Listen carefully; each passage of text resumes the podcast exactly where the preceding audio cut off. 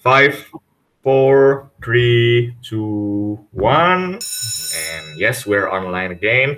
Hello, boys and girls, ladies and gentlemen. Welcome back to Chill Boy Show with me, the one and only Amran Nasbi Aditya Putra.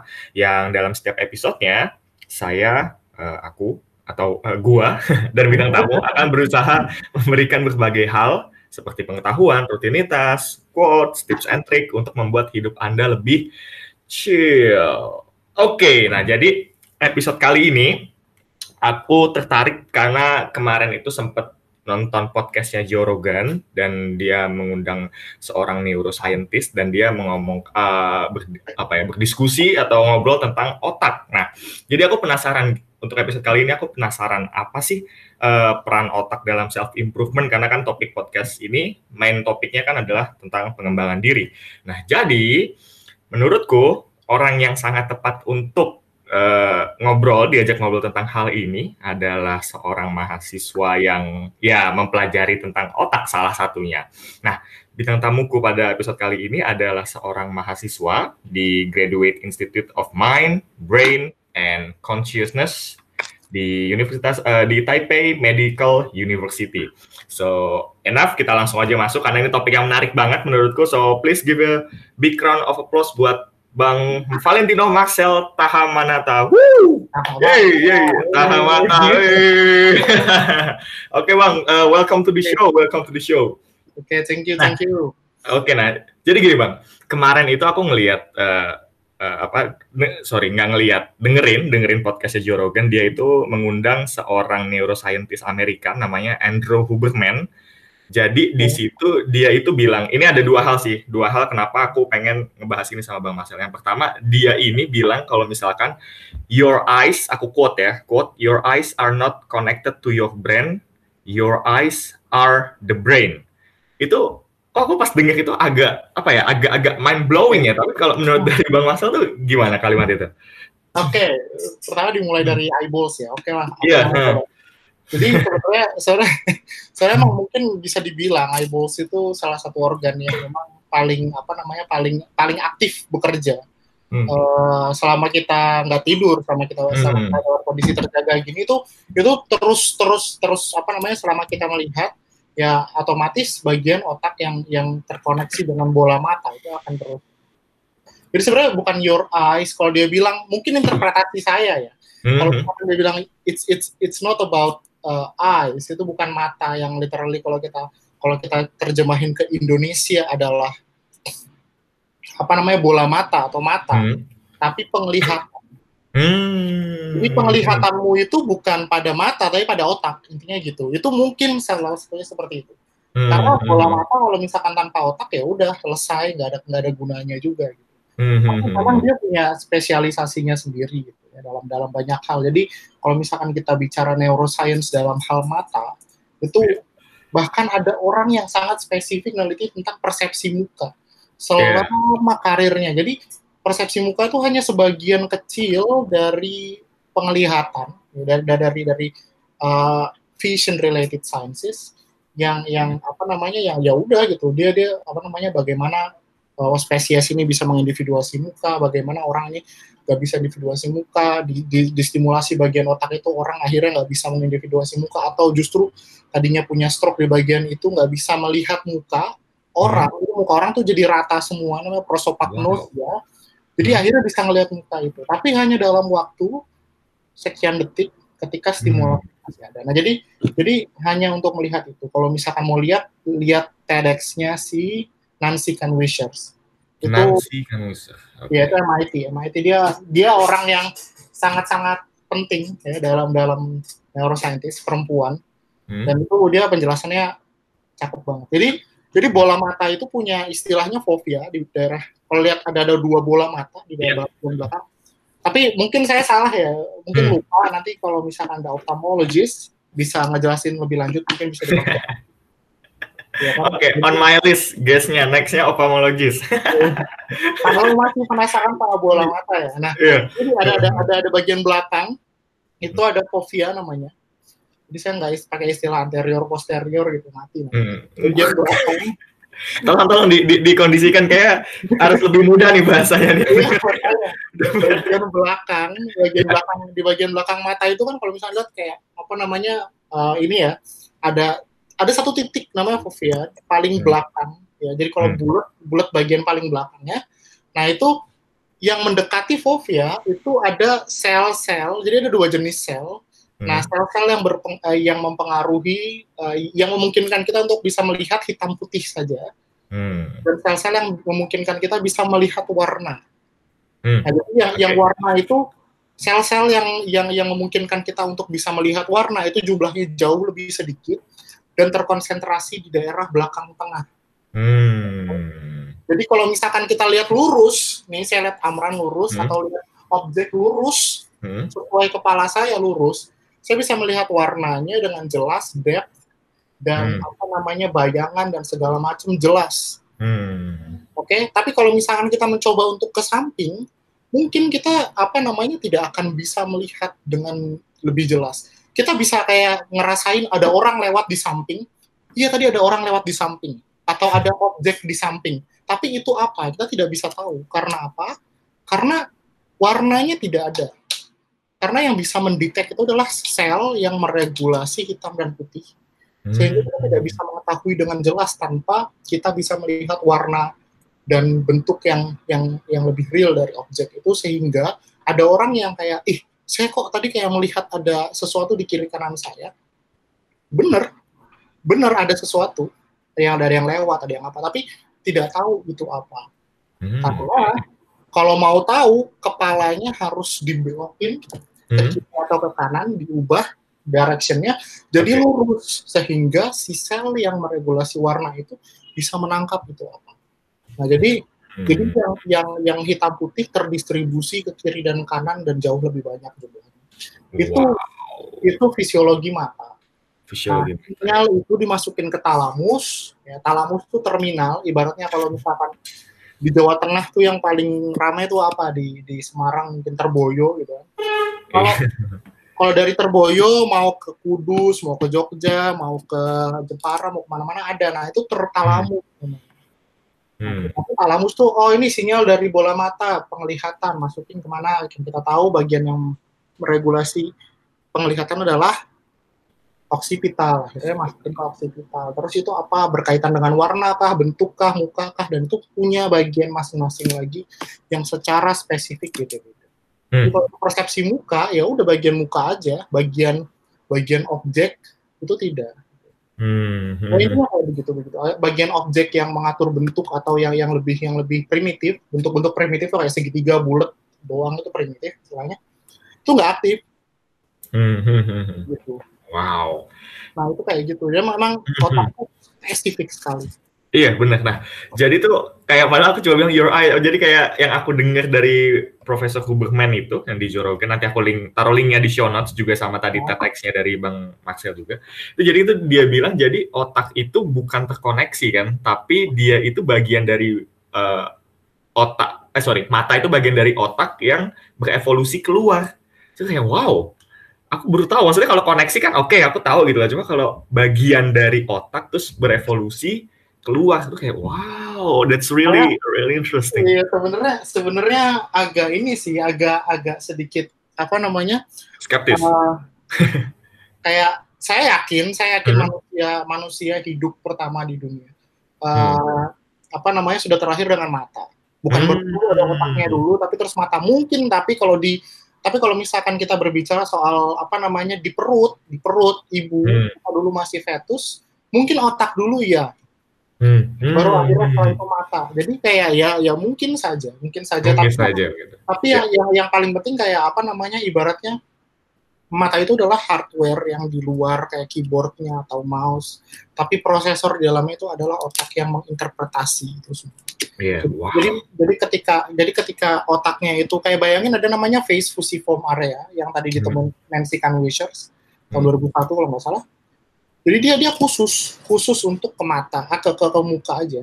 Jadi penglihatannya tajam, bagus, hmm. semua dia bisa lihat itu kan ada objek apa pun di sekeliling dia bisa lihat. Tapi pas dia ini contohnya bapak-bapak, kamu bapak-bapak jemput anakmu ke sekolah ke TK, ada 30 anak-anak TK di sana, mukanya sama semua. Anak gue yang mana woi gitu. itu namanya prosopagnosia itu di, disinggung sama Nancy. Di situ. Oh ternyata dia punya masalah di situ. Nah, hmm. punya masalah di face fusiform area spesifik sekali Hmm. Hmm. Bagian wow. temporal bawah. Nah itu hmm. jadi kayak begitu. Jadi kayak semuanya bisa. Jadi kayak penglihatan tuh spesifik. Jadi jadi kalau misalkan bilang penglihatan tuh mana opsi kita lihat, tapi tergantung. Hmm. Ada orang yang nggak bisa lihat warna, oh berarti mungkin apa namanya bagian yang mana lagi beda lagi. Iya, iya. Itu lagi. Nah, jadi kalau mau lihat itu ada banyak apa namanya anatomi spesifik yang dipelajari itu lihat kuliah-kuliahnya Nancy dan hmm. dijelasinnya mudah banget itu bisa dilihat. Oh, oke okay, oke, okay. nanti aku taruh linknya di show notes ya. Yes. Oke, okay. dengan satu apa kutipan aja kita udah bisa berapa menit nih kan kayak ini gue seneng banget nih kalau kalau ngobrol sama orang kayak gini nih. Jadi mempermudah. oke, okay. nah itu alasan pertama tadi bang. Terus kalau alasan kedua ini karena uh, aku sempat baca beberapa artikel atau referensi di internet itu kalau misalkan uh, uh, apa ya otak itu bisa kita bentuk correct me if I'm wrong ya, dan itu disebutnya adalah neuroplasticity brain. Nah, uh, bisa nggak kayak dijelasin ke yang pendengar ini apa sih neuroplasticity brain itu? Nah ini ya, jadi mungkin mungkin nanti mungkin connect ke proses mental dan juga mungkin hmm. sejarah, evolusi dan lain sebagainya. Jadi, jadi plasticity itu ini hmm. topik penting.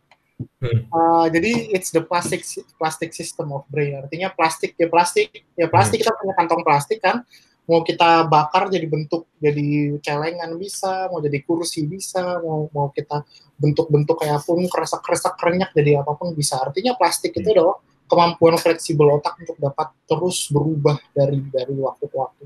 Hmm. Artinya kemampuan otak tuh terus berubah. Artinya berubah bukan berubah bentuk anatomi tapi tapi ada ada apa ya istilahnya tuh uh, perubahan konektivitas yang terjadi di dalam Nah, hmm. jadi kayak di dalam otak itu kan ada banyak banget ya miliaran, ratusan miliar mungkin sel otak ya, dan mungkin beratus-ratus kali lipat sinapsis itu. Sinaps itu hmm. artinya bu, kalau misalkan sel dan sel itu bisa jadi membentuk sampai ratusan sinaps itu sangat mungkin. Kalau ada hmm. namanya sel tertentu yang akarnya eh, yang yang yang dendritnya itu udah kayak apa namanya kayak kayak pohon beringin tuh kalau pernah yeah. lihat itu tuh bisa connect sama ratusan sel sekaligus. Nah itu maksudnya kayak begitu.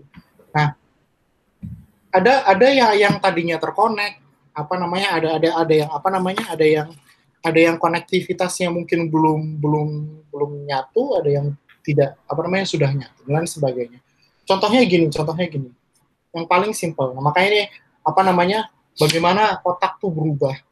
Tapi kalau misalkan berubah anatomi mungkin nggak, sangat mungkin. Hmm. Tapi apa namanya perubahan perubahan anatomi itu sangat-sangat sulit mungkin di, di, di, didapatkan dalam periode waktu satu tahun, 10 tahun, 100 tahun, hmm. harus ribuan tahun. Hmm. Contohnya gini, kalau jadi sekitar 6.000 sampai 12.000 tahun lalu hmm. itu uh, nenek moyang kita, ya nenek moyang kita itu hidup di ketika ketika arkeolog itu ny- apa namanya nemuin uh, fosil, nemuin nemuin apa namanya nemuin nemuin tengkorak dan dan, dan bagian tubuh lainnya kita lihat tengkoraknya itu ya yang paling mirip manusia artinya itu nenek moyang kita because it's more resembling us ya nah, hmm. itu adalah adalah uh, manusia yang di mana bagian belakangnya itu gede hmm. hmm rahangnya gede ke bawah, hmm? bagian depannya ini kecil. Ah. Kebayang nggak? Kayak kebayang, kalau lihat simpanse, ya, ya, ya. Rahangnya gede bawah. Hmm. Ya, tapi ya simpanse sekarang mungkin juga udah lebih besar bagian depannya, tapi dulu manusia zaman dulu kecil, tidak seperti kita yang jenong. Iya, kecil. Kalau bisa lihat nanti silakan dilihat di Google aja dan dan man, oh, fosil manusia ribuan tahun lalu dan dan apa namanya dan bagian belakangnya uh, dan bagian belakangnya itu besar.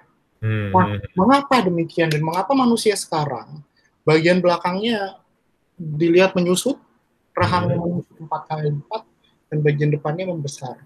Nah, ini berkaitan dengan plastisitas. Ah. Yang betul-betul apa namanya kalau kita lihat dalam hal ini contohnya ini yang plastisitas yang betul-betul apa ya betul-betul radikal. Tapi hmm. kalau misalkan sekarang kita mau cari topik uh, plastisitas, banyak yang lebih merucut lagi kayak apa namanya kayak tadi aja orang yang orang yang yang bahasa simpelnya orang yang tadi nggak bisa lihat muka hmm. terus itu kayak saraf di bagian Facebook si pemarainya putus gitu hmm. nggak nggak connect terus dikasih aliran listrik 4 miliampere dia dikasih dikasih elektrod di dalam otak hmm. situ atas permintaan dia. Oke okay, saya kasih ini ya saya kasih elektrode. Oke okay, di bagian situ di di black ininya isinya dimasukin elektrode satu eh, empat miliampere terus pas distimulasi tek, langsung tiba-tiba mukanya itu muncul hidungnya muncul matanya muncul tadinya rata. Wow. Yes. Nah itu artinya apa? Lihat di pidato Nancy dia dia kasih video pasien itu kayak wah mukamu itu kayak berubah hidungnya muncul matanya muncul nah wow itu aktivitas artinya ada perubahan tidak hmm. ada koneksi menjadi ada koneksi ada koneksi menjadi tidak ada koneksi itu plastik sistem hmm. Hmm. hmm. simpelnya kayak gitu nah kalau yang manusia zaman dulu mengapa demikian jadi manusia zaman dulu itu adalah hunter gatherer artinya hmm. uh, mereka yang apa namanya yang laki-laki berburu, yang perempuan masak, terus apa namanya ngasuh anak di dalam rumah bilik-bilik mereka itu, terus makanannya di stash sama mereka dijadiin apa namanya persediaan satu minggu, berburu mamot gitu kan. Nah, berburu berburu apa nggak mungkin berburu T-Rex ya karena bukan zaman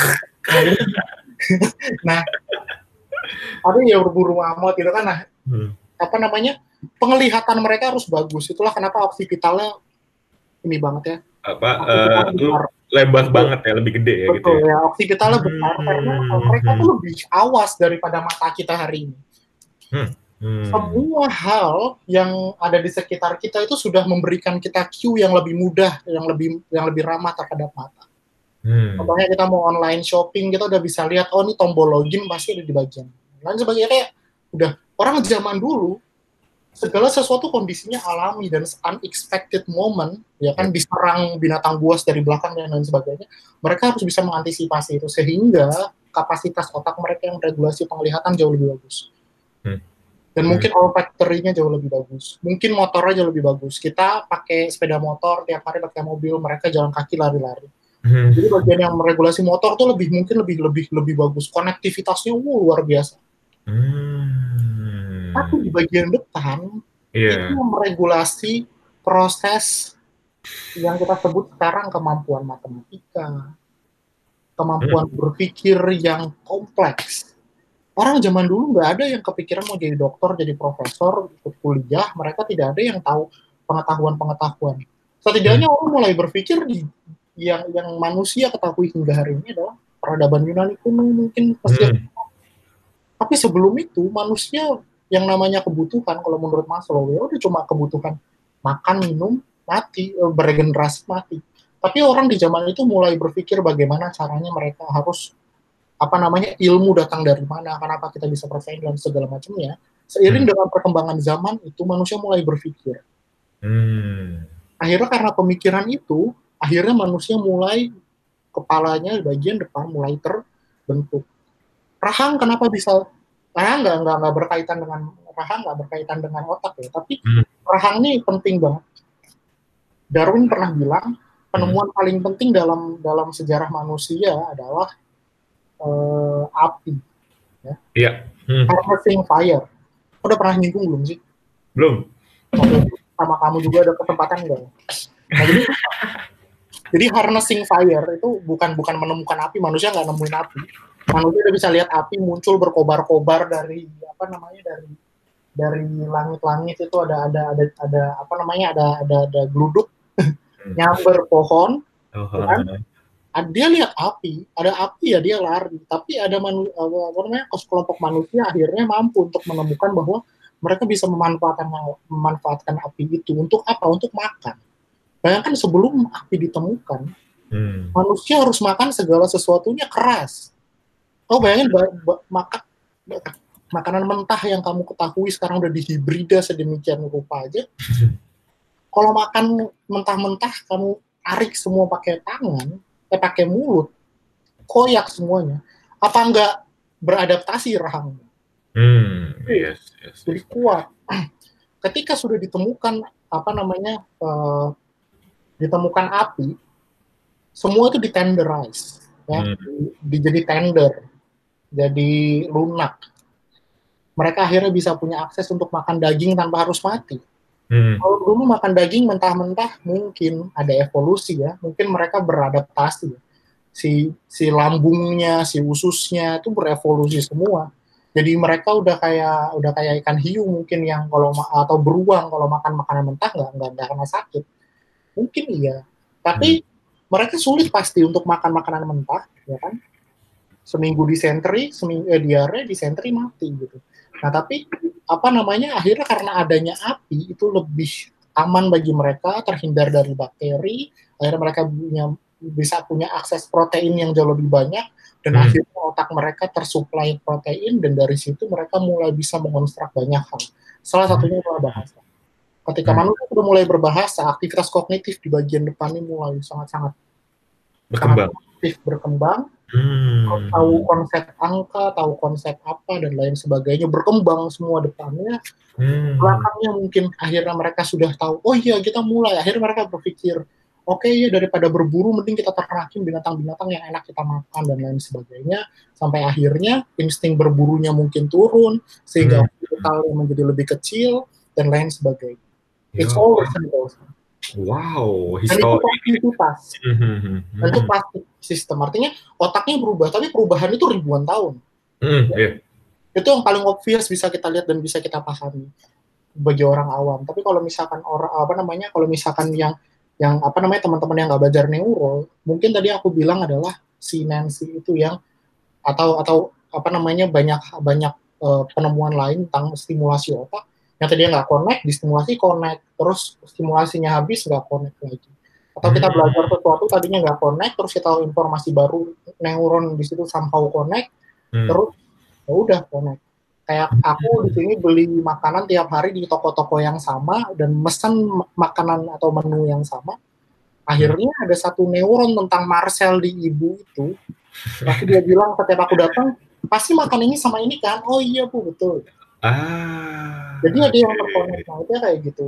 Ada hmm. ada namanya dulu Halle Berry. Halle Berry tahu nggak? Kayak artis yeah. artis art, ya aku juga nggak tahu tadinya kan terus ah kamu nggak tahu Halle Berry gitu kan. Dia tuh kayak ya Jennifer Aniston gitu. Orang artis besar. Hmm. Jadi fansnya mereka tuh punya bagian otak yang memang punya namanya Halle Berry cells. Ya, tapi ya itu penelitian zaman dulu single cell recording jadi ada ada ada ada informasi yang kayak tadi ada ada Marcel Sales di ibu ibu penjual warung itu orang hmm. ini pasti mesannya ini. Jadi kayak connect. Konektivitas itu somehow unconnect kalau misalkan suatu kali aku bilang Bu mesannya yang lain gitu. Terus Bu mesannya besok yang lain lagi, besok mesannya yang lain lagi. Jadi Marcel Sales itu tidak connect lagi. Hmm. Nah, behavioristiknya extinction ya di, hmm. diputusin ketika si anjingnya Pavlov itu dengar lonceng terus tiba-tiba ada apa namanya daging keluar liurnya. Ada terus dengar lonceng anjingnya nggak keluar eh, apa namanya dagingnya nggak keluar akhirnya lama-lama liurnya nggak turun. Artinya konektivitasnya itu sudah diputus. Diputus. Oh oke. Okay. jadi memutuskan konektivitas dan menyambungkan konektivitas itu adalah kerjaan orang-orang neuroscientist ah oke okay, oke. Okay. oke okay, tadi bang uh, Hailey Bailey itu tulisannya gimana? Itu kayak suatu penelitian yang menarik kalau misalkan bisa ditahu. Uh, Hailey Bailey. Uh, uh, ini ya, ini nih saya kasih saya Dikasih. kasih single cell Hailey Berry brains. Single cell.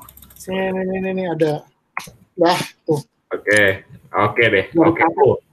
Sip, nanti aku taruh linknya di show notes buat yang penasaran. Wow, that's really interesting. Dan tadi juga pas Bang Marcel bilang yang apa uh, Dar bukan Bang Marcel sih, mengutip Darwin, ya kan. Kalau misalkan hmm. api, api adalah uh, penemuan paling penting di evolusi manusia itu, aku jadi keinget ini Bang, ceritanya dewa Yunani dulu, Prometheus, yang dia mencuri apinya Zeus untuk diberikan yeah. ke manusia kan. Dan menurutku itu adalah suatu apa ya? Kalau Jung bilang kan cerita archetype ya. I think yes. iya, iya, itu jadi kayak cerita archetype yang menarik juga ya.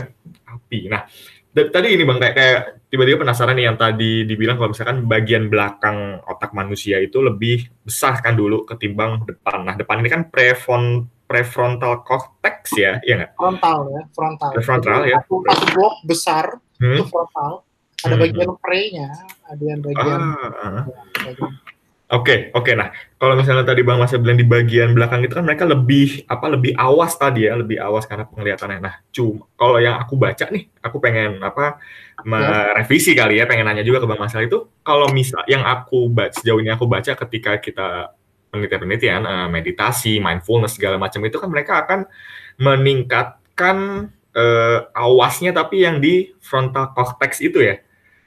Oke. Okay. Iya, ya, itu, itu apa tuh beda awasnya maksudnya? Nah, hmm. ini sebenarnya apa namanya beda banget. Jadi apa ya? Hmm. Mungkin kalau di meditasi awas awas awas yang aku tahu kamu apa namanya join ini ya Pak Hans ya. Nah, out buat Pak Hans. buat Pak Hans. Nah, jadi awas ini awas di sini adalah mungkin lo proses kognitif kompleks. Saya nggak ah. tahu definisi kamu bisa mungkin kasih tahu saya apa itu definisi awas habis ini yang hmm. yang paham sini kan tapi apa namanya awas di konteks Jawa setahu saya itu emang apa namanya mikir kognitif kompleks di depan sedangkan awas yang saya maksud adalah di belakang tuh kayak nanti ada binatang buas nyerang dari belakang mereka udah tahu gitu kayak semacam semacam oh. gitu kan hmm. kayak kayak apa namanya lebih atau dari samping atau mereka berburu binatang-binatang berkeliaran di atas pohon, mereka tombak mereka udah bisa presisi. Hmm, waspada Atau, mungkin lebih tepatnya enggak? Waspada ya, mungkin waspada bisa. ya. Hmm. ya. Atau mereka lebih tajam penglihatannya kayak gitu. Ngebedain ikan yang lewat di sungai, yang gerakannya cepat, topak cepet. Hmm. Buat sekarang kita disuruh kayak gitu mana bisa, tapi aku zaman dulu bisa. Nah, yeah, karena, yeah. karena mungkin ya itu tuh, itulah kenapa mereka propertinya bagus di bagian itu.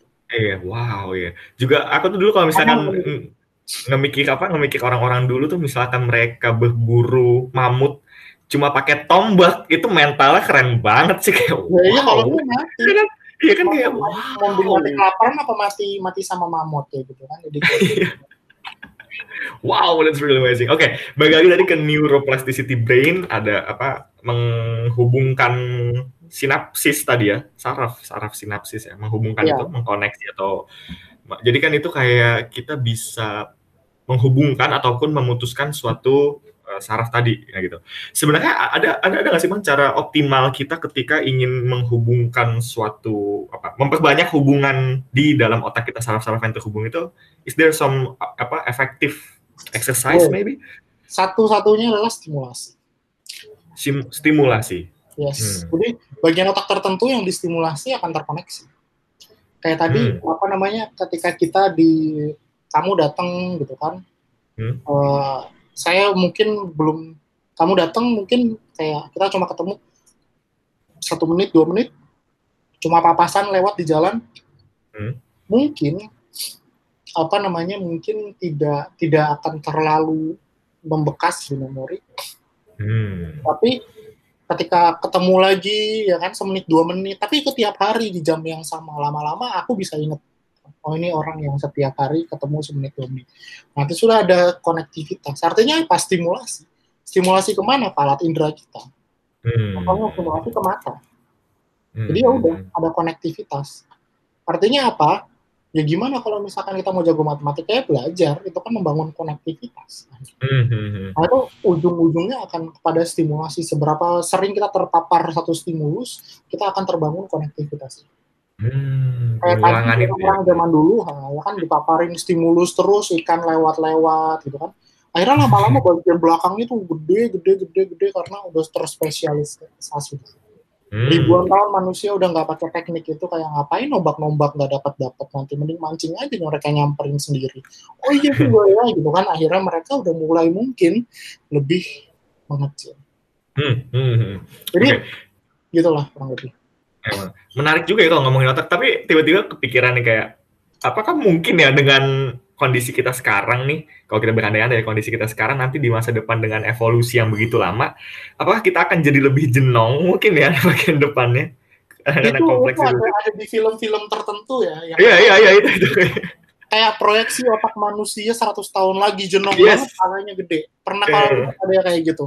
Ada yeah, iya. artikel yeah. kah atau ada ada film kah saya lupa. itu proyeksi manusia di ribuan tahun lalu lebih jenong karena bagian sekarang udah kita aja nih udah kayak begini aja nih masih kurang bang. Kayak iya. peradaban di aku sekarang lagi belajar banyak hal itu kan banyak hmm. ambil DX uh, artificial intelligence wow iya iya iya ya, kita kayak gila nih orang pintar-pintar banget gitu. Yeah. itu kayak dan, dan, uh, di depan tuh banyak banget gitu kan banyak uh, nah itu yeah.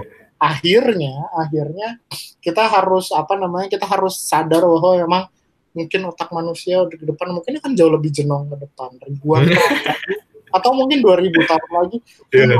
kita tidak Who knows, ya ya benar. Tapi yang menarik kalau misalkan ngomongin artificial intelligence tadi tuh yang kebanyakan ya yang aku tahu sih penelitinya itu kebanyakan di MIT nggak sih di apa di developnya? Yes, jadi yeah, kan? jadi apa namanya uh, kalau mau teknik-teknik kan yang bagus emang dan dengan computer science emang MIT yeah. mungkin salah satunya bisa dibilang ya emang emang MIT lah hubnya gitu tapi yeah. ya nggak cuma MIT yeah, ada yeah, banyak yeah. juga jadi hmm. kalau misalkan kalau misalkan dengan apa namanya Ivy League di US yeah, yeah, sembilan yeah. universitas tua itu mereka konservatif ya. kayak Harvard ah. itu walaupun mereka walaupun mereka walaupun si Harvard ini juga belajar artificial intelligence tapi mereka fokus kepada ilmu social science dan lain sebagainya ilmu-ilmu konservatif yang didalemin Sedangkan kalau MIT lebih ke happening dan orientasinya masa depan. Sama kayak oh, iya. Makanya hmm. mereka tuh nggak di Philip karena mereka nggak nggak masuk di Philip. Si MIT, Stanford itu kayak begitu. Oh, kalau sorry, sorry. intersectionsnya itu kayak si Berkeley kayak gitu-gitu. Ah. Nah, Princeton juga udah mulai sih, tapi Princeton juga lebih konservatif. Ya bayangin lah orang-orang konservatif kayak gimana. Nah, itu Harvard, Yale, yeah. tapi mereka yeah. bagus banget juga maksudnya mereka yeah, yeah. Gitu Iya, iya. Lebih tradisional ya kalau orang konservatif nggak sih?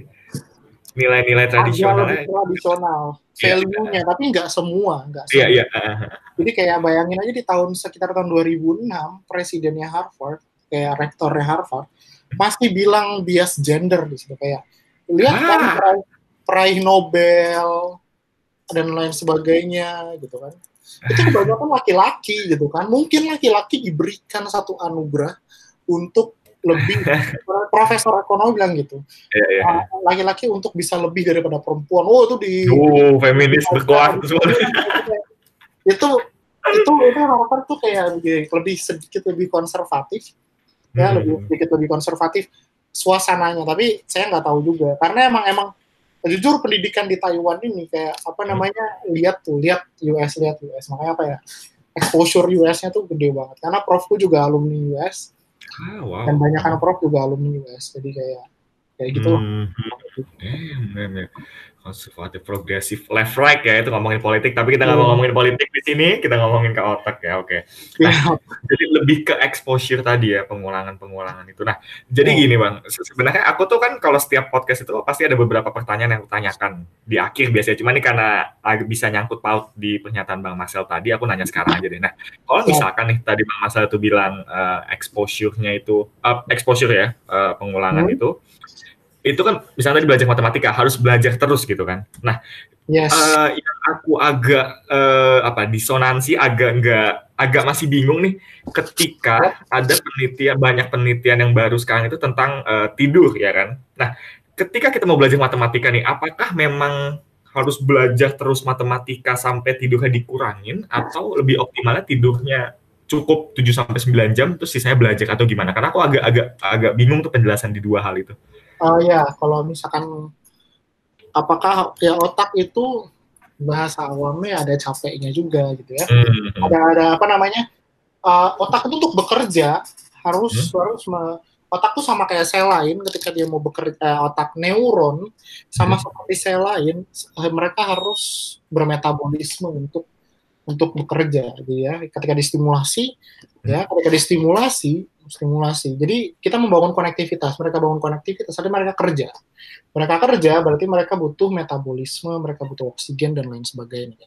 Dan ketika hmm. terus bekerja terus menerus tentu akan ada di mana titik kita kita kekurangan energi ya. Kekurangan energi untuk untuk terus mensuplai mereka untuk, untuk terus-terusan membuat mereka bekerja jadi energi itu kan apa namanya bisa dari oksigen kah dan lain sebagainya. Dari juga koordinasi alat tubuh lain yang mensuplai oksigen ke otak juga harus kita lihat bagaimana dan sebagainya. Jadi hmm. ketika ketika apa namanya ketika bekerja apa namanya manusia sebenarnya akan bisa tahu sendiri di titik mana dia harus beristirahat dan mengistirahatkan otaknya. Dan kalau misalkan ditanya berapa lama harusnya tidur ya kita udah tahu berapa normalnya dan kurang lebih seperti itu. Eh berapa hmm. lama otak bekerja juga sebenarnya tidak ada pastinya ya tidak ada tidak ada aku juga nggak tahu kan berapa banyak pastinya dia bilang 15 menit lah istirahat dikit 5 hmm. menit 15 menit lagi atau 30 menit atau 7 jam atau berapa lama dan itu tidak itu benar-benar individual differences banget banget hmm. orang yang 7 jam nonstop belajar juga bisa nah itu silakan diketahui apa namanya diketahui lagi ininya masing-masing ya, di, apa namanya uh, kapasitas masing-masing. Tapi tidur butuh untuk apa namanya untuk untuk uh, mengoptimasi mengoptimalisasi. Yeah. Jadi hmm, gitu. Merigen ya. Oke, okay. kalau dari Bang Masa sendiri nih, kan karena kalau aku ngeliat Bang Masa kan ya achiever lah let's say di kuliah ataupun sekarang gitu kan achiever. Kira-kira dulu kira-kira nih rata-rata jam tidur Bang Masa itu berapa sih seharinya? Uh, normal. Normal tuh berapa? Normal normal tuh 5 sampai 7 jam lah bisa. 5 sampai 7 jam. Tapi kalau kalau lagi ngejar target itu hmm. bisa cuma sejam. Kalau ngejar target atau bisa nggak tidur. Wow. Nah, itu. Kalau di sini lebih parah lagi gitu. oh yes, iya, apa loh? Kalau di ujung semester itu kayak sering banget nggak tidur kayak kemarin tuh. Hmm. Itu itu itu banyak nggak tidur dan di kampus sampai pernah 24 jam kerja. Wow. Ya, jadi sampai laptopnya pun ini. Laptopnya capek. laptopnya capek, akhirnya minta ganti baterai, padahal belum saatnya. Itu kayak. Uh, dia langsung dicas, sudah penuh langsung. Nah, terus hmm. ya itu under under you know under uh, under special special circumstances. Yes. Yeah, yeah. Nah itu yeah. udah itu pasti yeah, pasti yeah. kita juga akan menyesuaikan mm-hmm. somehow somehow menyesuaikan kayak kalau nggak nggak nggak nggak nggak nggak di nggak di nggak nggak diburu-buru banget kayaknya otak kita bilang ayo udah istirahat dulu oh iya ayo istirahat mm. kalau misalkan nggak ini nggak bisa gitu karena ternyata otak itu juga menyesuaikan that's, that's why bilang plastik system yeah. itu menyesuaikan ya. Neuroplasticity ya.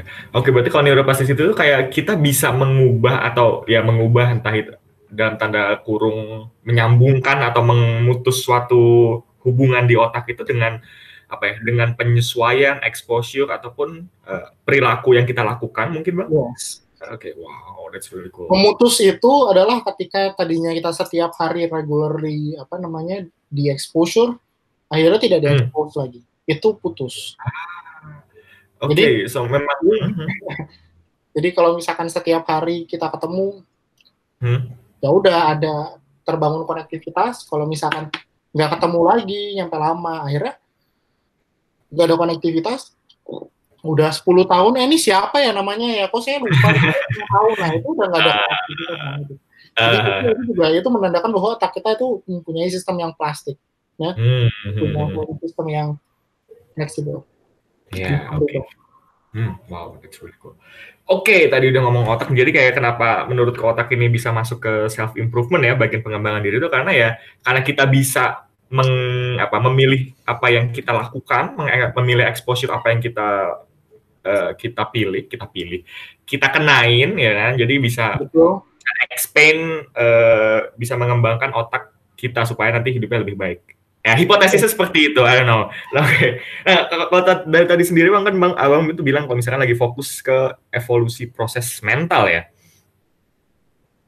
Ya kan lebih oh, ke yes. Ya ya itu karena gini, aku aku tuh bingung kalau misalkan ya dulu di kuliah tuh kalau misalkan ada beberapa orang yang bilang ya mental lu tuh harus mental lu tuh harus kuat mental lu tapi sebenarnya mental sendiri itu apa sih no no no no jadi ya mental harus gimana? kuat itu itu bukan bukan mental jangan mikir kayak mental tentara gitu ya gitu jadi eh. jadi proses mental itu ya simple kayak persepsi ya hmm. terus apa namanya apa itu persepsi kayak tadi kita bilang sikap ya sikap sampai jadi perilaku jadi jadi proses munculnya perilaku. Kenapa orang bisa berperilaku demikian?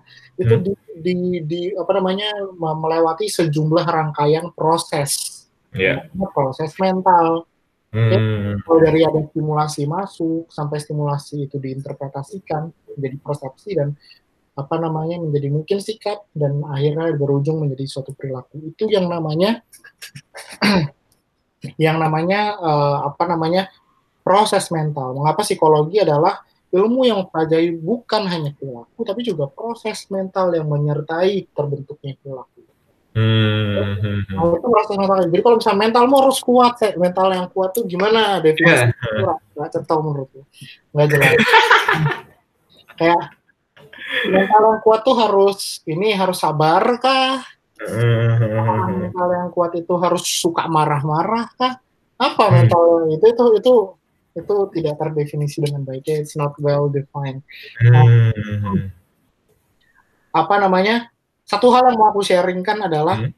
uh, topik terbaru. Aku kan udah ganti-ganti topik tesis ini nggak kenal. Iya terakhir tentang moral bukan sih abang tuh? Masih related tentang moral, moral okay, okay, okay. dan dan dan nyampe ke neuronnya juga. Itu kan kayak hmm it's too dangerous gitu kan itu terlalu terlalu nyari mati tapi ya udah nah, jadi aku akhirnya memutuskan untuk nyari tahu tentang residu agama residu residu agama. Residu itu kalau misalnya kita lihat residu. Wow. Ini ini ini ini, ini menurutku kayak kenapa kenapa ini? Kenapa apa namanya? Kalau kamu tahu kalau kamu tahu Jung kalau tahu Freud yes. mazhab yes, mazhab mazhab mereka hmm. uh, cukup banyak mempengaruhi dunia perkembangan psikologi di Eropa tapi di di US mungkin sedikit diolok-olok ya Ya. Nah, tapi di, di nah itulah kenapa dualisme itu selalu ada dan tapi mereka bagus ya debat mereka konstruktif dan akhirnya Hmm. Teori-teori mereka pun banyak dipakai di US. Hmm. Dia bilang harus bisa dikuantifikasi, harus bisa menelurkan jadi yeah. angka, harus bisa dieksperimenkan. Terus si apa namanya si Jung bilang jangan kayak gitu dong. Emang emang kamu bisa mengangkakan semuanya. Emang kamu bisa menginikan semua. Mungkin ide kualitatif muncul dari situ. Nah, hmm. kita nggak mungkin bisa mengangkakan semuanya. Tapi US harus diangkakan. Dan yeah. akhirnya sekitar tahun 90-an, 92, 93.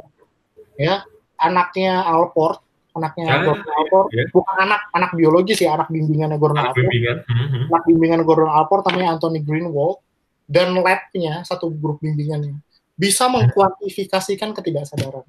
Itu yang aku lagi pelajari sekarang. Siapa tadi namanya bang? Apa? Anthony Greenwald. Anthony Greenwald. Anthony, Anthony Greenwald. Nah. Teamwork, I see. Ah, ini okay. orang yang yang mungkin tahu sedikit tentang psikologi harus apa namanya harus uh, dengar hal ini. Ini, ini menarik banget menurutku.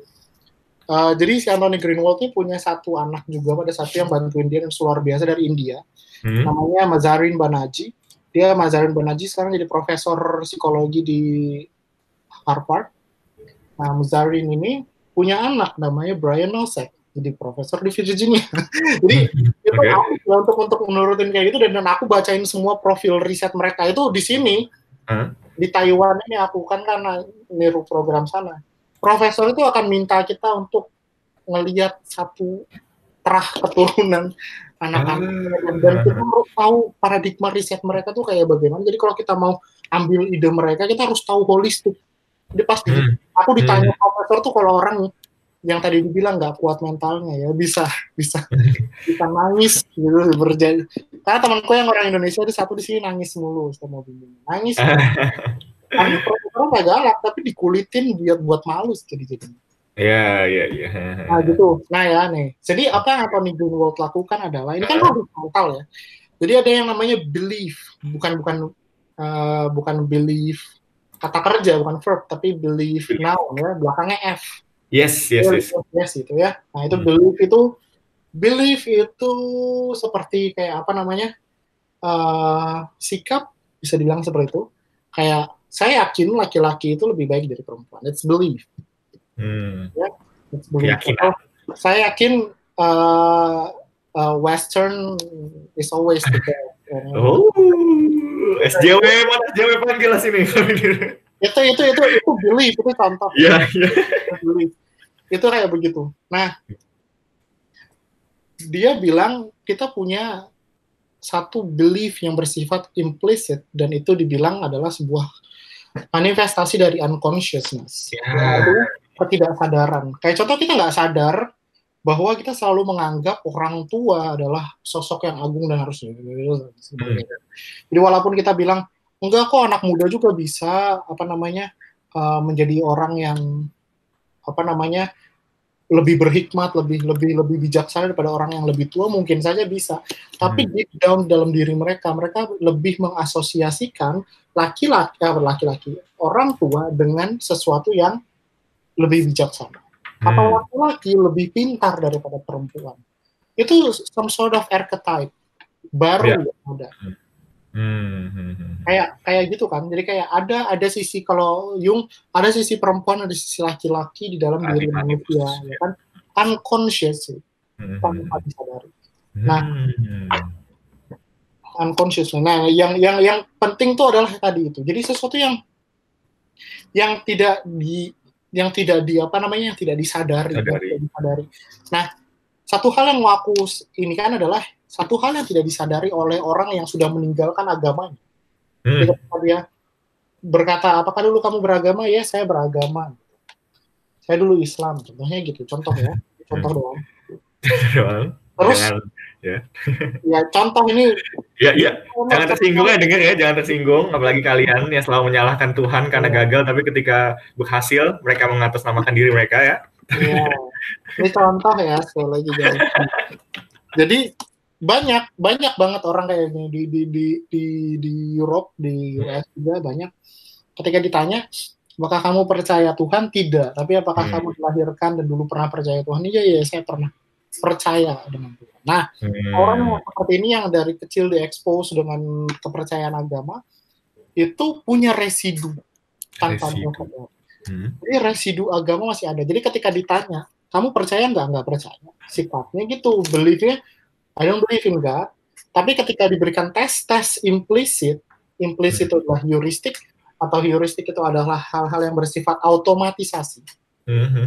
Otomatisasi itu kayak tep tep ingat nggak kayak tesnya tes yang dikasih tahu apa namanya Pak Hans itu waktu itu tentang apa namanya asosiasi kata. Asosiasi bebas sisi bebas asosiasi kata psikoanalitik ya. gitu ya kalau itu kan itu kan sesuatu yang sangat spontan dan yeah, itu yeah. sesuatu yang diketidaksadaran nah hal itu dipakai yeah. sama si Greenwald dan kawan-kawan ini untuk hmm. kita melihat bahwa terdapat konsistensi oh, wow. namanya itu itu semua gitu ya dan dan mereka pakai komputer guys jadi kan kalau hmm. kita dulu diajarnya kan pakai stopwatch ya manusia yeah.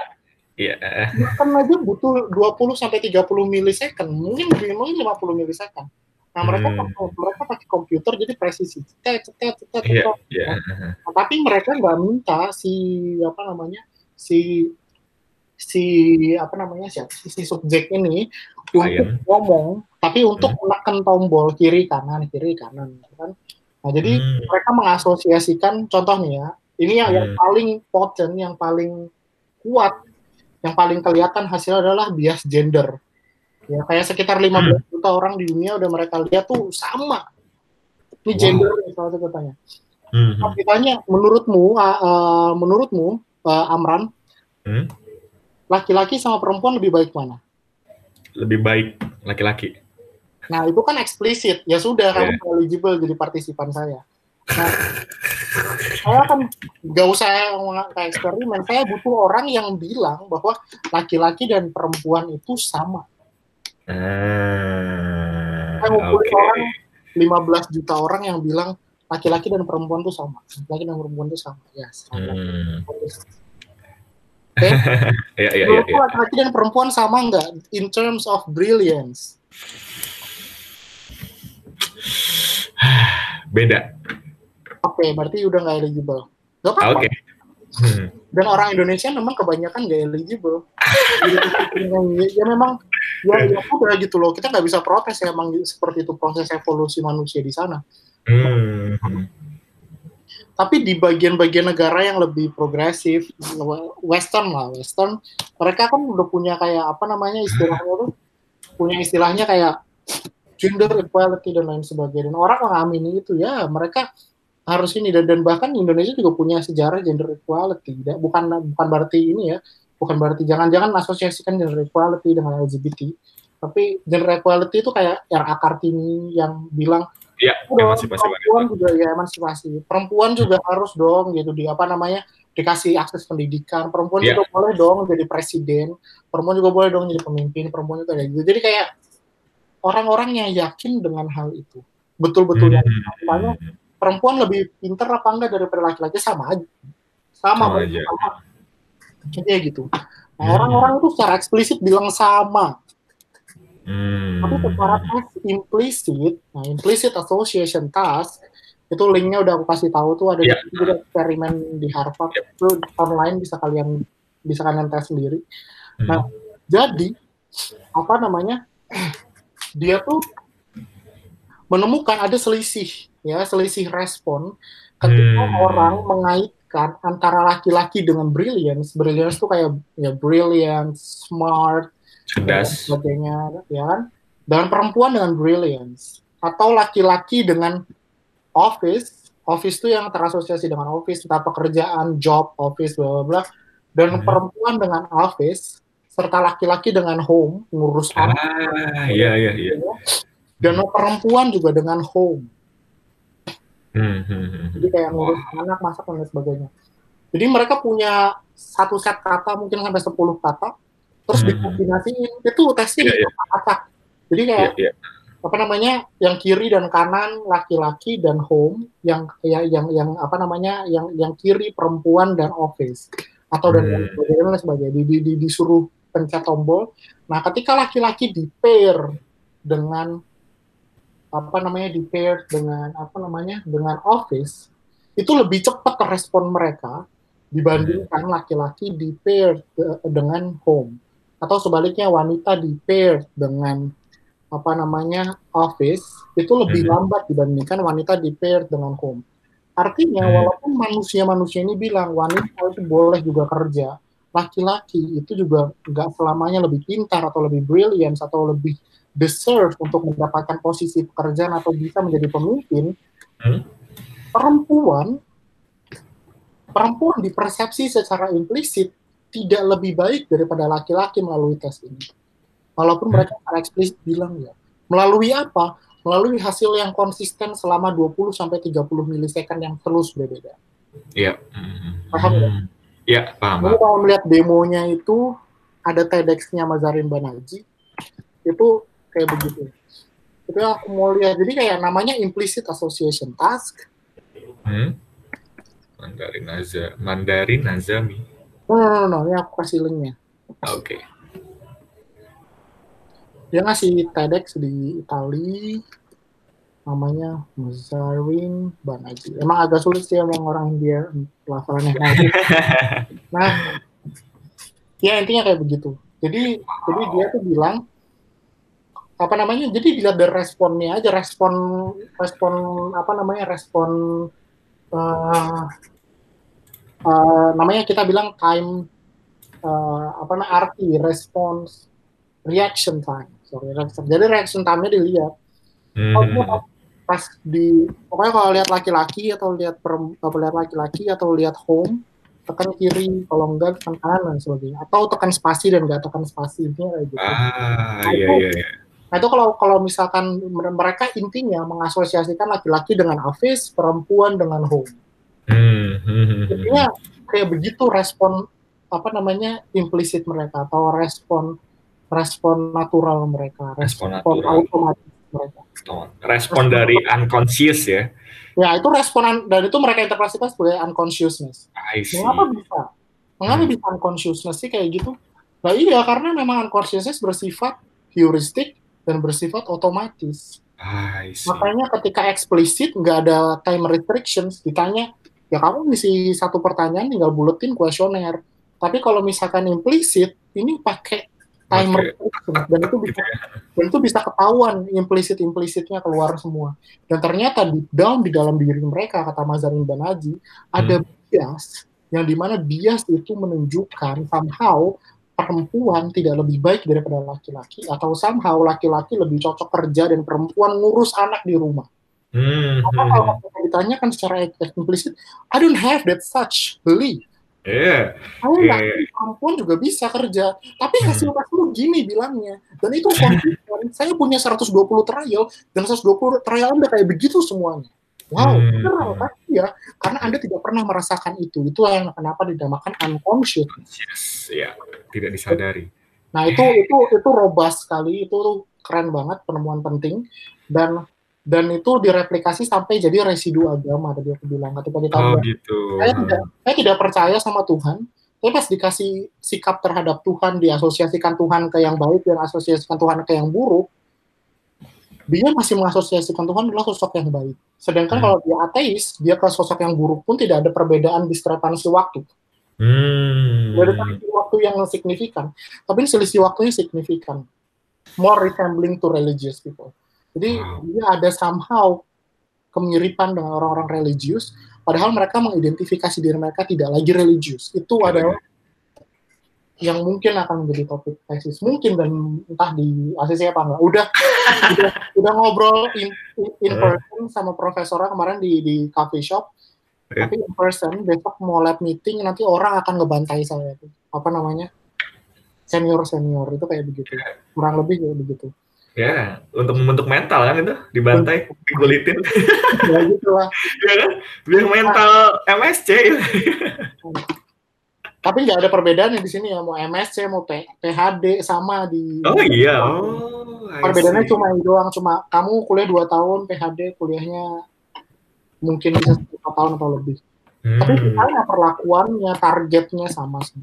Hmm, Mungkin targetnya PhD punya publikasi berapa, kalau MSC paling nggak punya satu.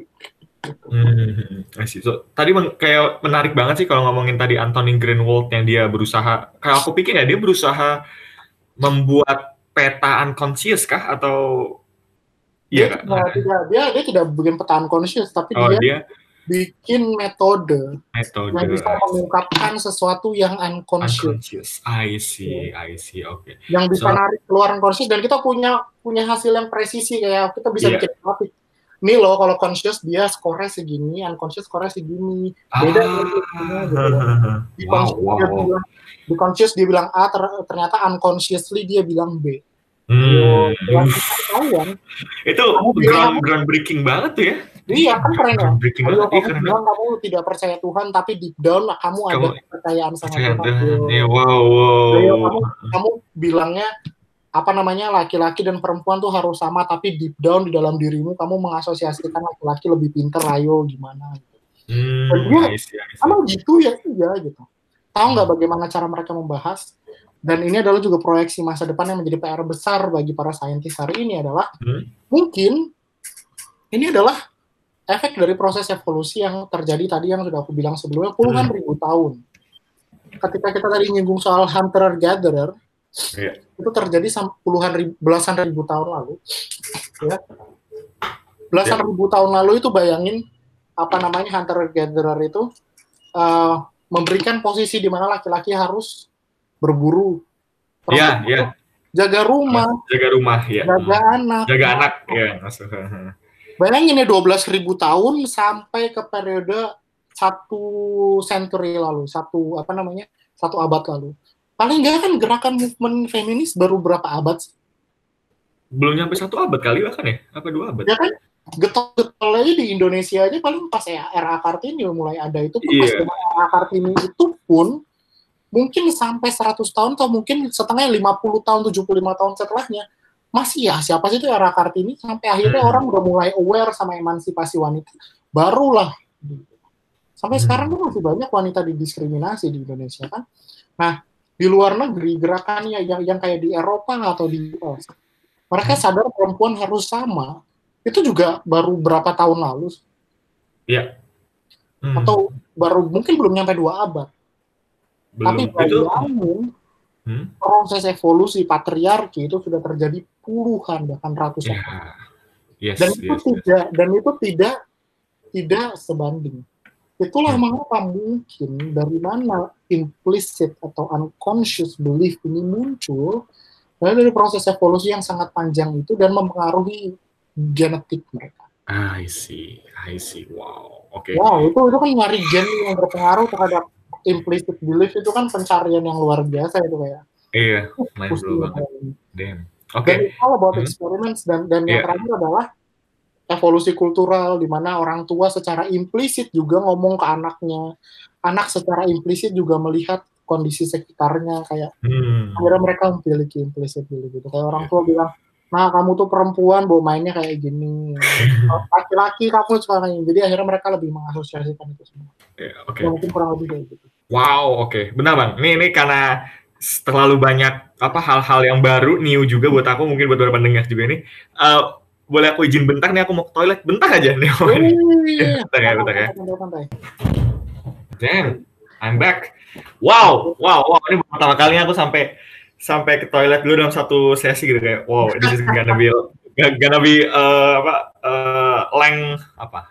Jangka panjang nggak jangka panjang. Ini bakal sesi yang lama lah. Oke okay, tadi ngomongin bang balik lagi ke, ke implicit dan unconscious segala macam aku tuh kemarin sempat nyari nyari uh, tertarik juga dengan ajaran Jung yang menurutku itu sangat sangat luas banget bahkan apa teorinya itu loh hmm. walaupun agak agak kompleks lah dan setauku salah satu muridnya Jung kayak tadi muridnya Adler, cuma ini muridnya Jung itu tuh namanya Erich Newman. Apa pernah dengar nggak itu?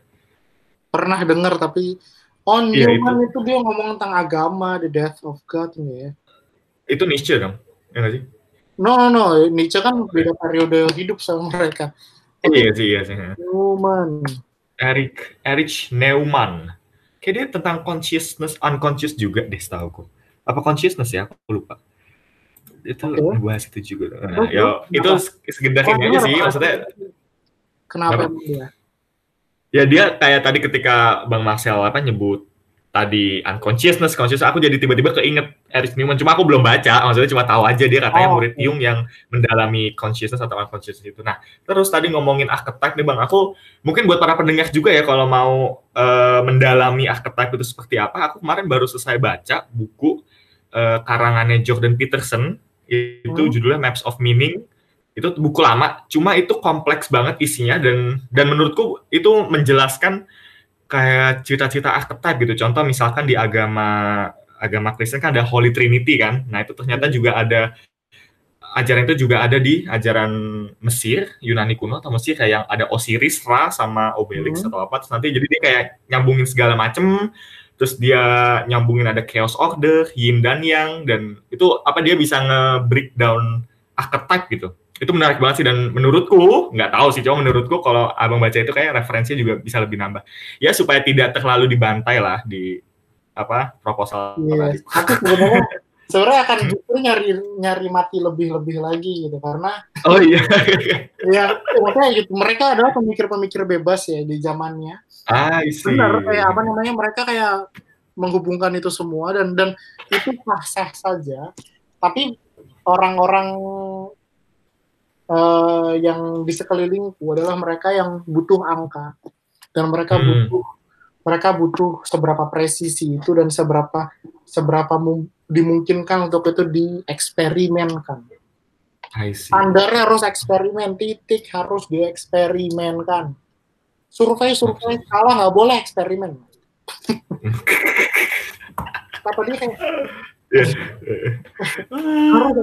karena itu boleh skala tapi untuk mendukung eksperimen bukan yep, yep, yep, jadi kayak yep. karena itu karena eksperimen itu spesifik dan tidak confounded jadi kalau kita mengkorelasikan sesuatu coba aja korelasiin antara negara-negara religius dengan negara-negara yang korup pasti semakin religius semakin korup. Apakah religi apakah religion mengajarkan corruption enggak? Tapi yeah. somehow ya kayak begitu. That's why it's so confounded.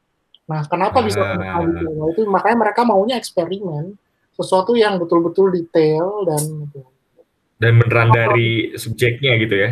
Betul. Ya makanya hmm. ya gitu. Damn, good luck, Bang. Tapi itu menarik banget sih kalau misalkan jadi ya residu agama. Soalnya tuh yang karena Jordan Peterson tadi aku juga ngikutin beberapa kontennya itu dia kebanyakan sih mikir uh, topiknya itu tentang belief, uh, arsitektur, personality dan segala macam. Dan dia pernah bilang yeah. seorang ateis itu tuh bukan beneran ateis, dia tuh deep down pasti percaya ada Tuhan gitu. Cuma karena definisi beliefnya itu beda. Jadi kayak ketika uh, dia ditanya, ya ya ya, lanjut. Ya, ketika dia ditanya nih dia dia jadi dia bilang dia tuh Kristen cuma tapi dia nggak pernah pergi ke gereja katanya siapa nggak nah, terus dia bilang pertanyaan yang paling aku benci itu adalah ketika orang nanya do you believe in God pasti dia akan balas well what do you mean by believe dia bilang kayak gitu kan.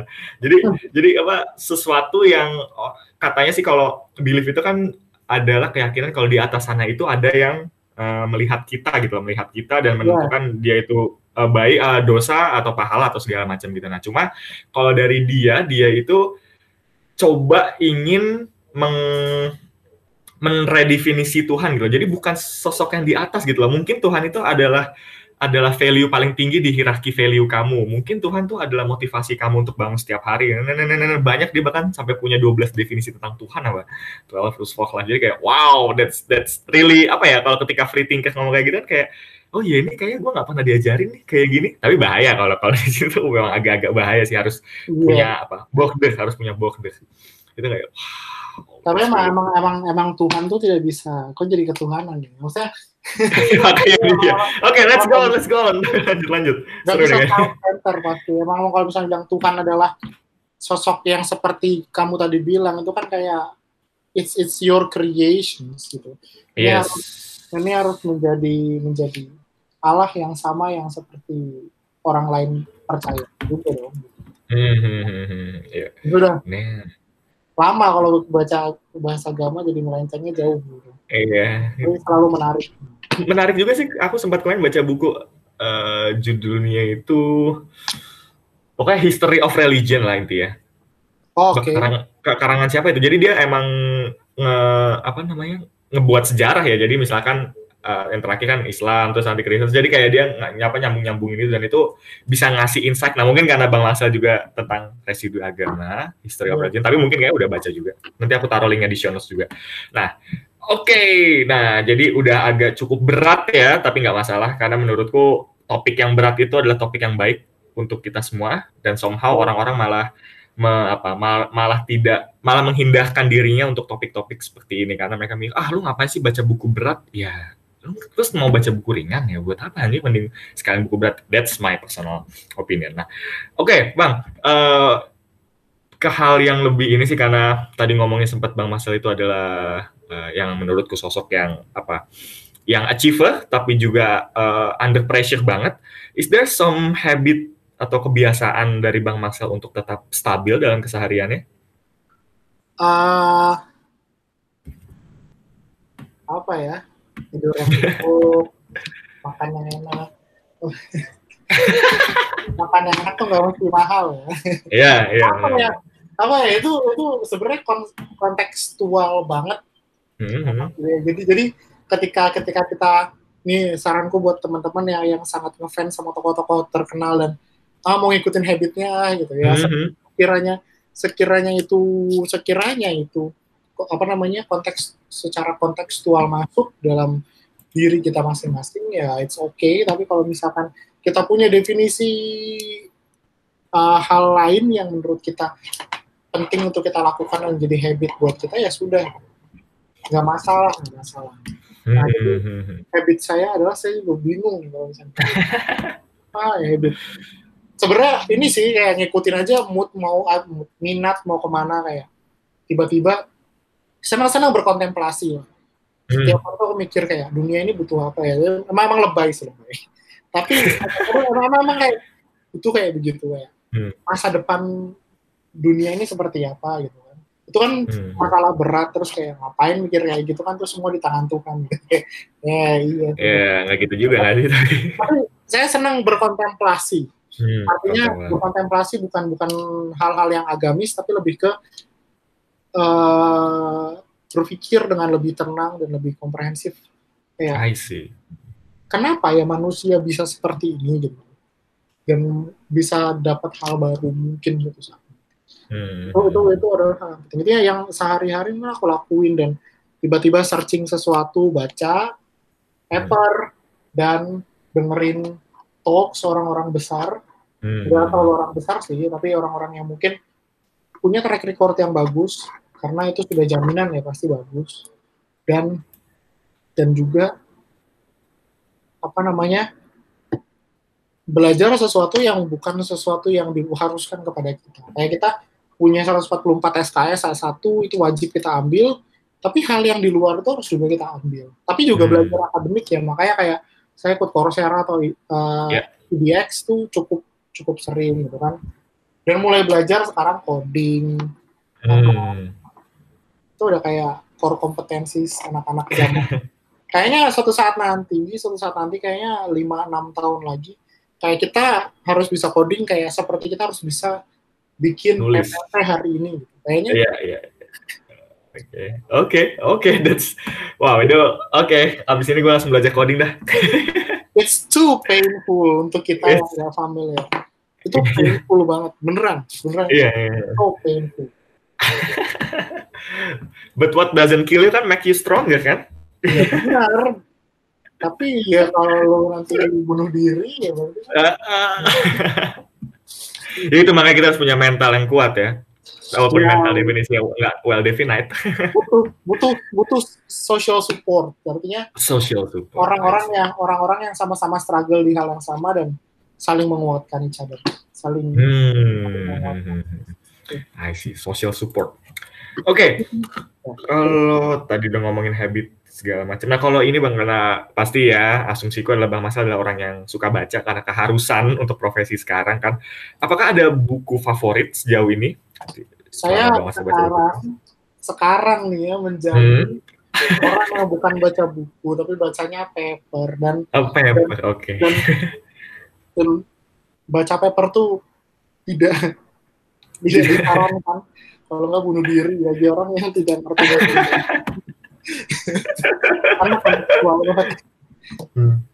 mati sama statistiknya nanti mati sama metodenya. Tapi tapi pasti cover story-nya bagus gitu loh. Kayak kenapa bisa kepikiran sampai situ dan lain sebagainya. Hmm. karena aku baca buku-buku yang yang sebenarnya di US nih. Hmm. profesor besar tuh kebanyakan nulis buku-buku yang tidak seperti buku ajar kayak dosen-dosen di Indo itu kayak nggak pernah mereka bikin kayak gitu justru hmm. bukunya nyerempet ke arah populer. Nah, ah. carilah buku seperti itu. Apa namanya? Minatmu apa? Terus nanti tinggal dicari profesor yang mungkin neliti hal itu. Dan kalau dia orang besar pasti dia nerbitin buku. Nah, baca buku dia pasti lebih oke. Okay. Lebih enteng ya? Kebanyakan bukan buku teks. Ah. Kayak contoh si kamu nanti lihat aja ininya si apa namanya Anthony Greenwald dan anaknya punya namanya Mazarin Banaji dia punya buku blind spot, hidden biases of good people. Blind spot, blind spot. Oke, okay, oke, okay, oke, okay. aku pernah dengar tuh. Nah, jadi dia tuh akan membahas apa yang udah kita bahas tadi tentang implicit bias dan sebagainya.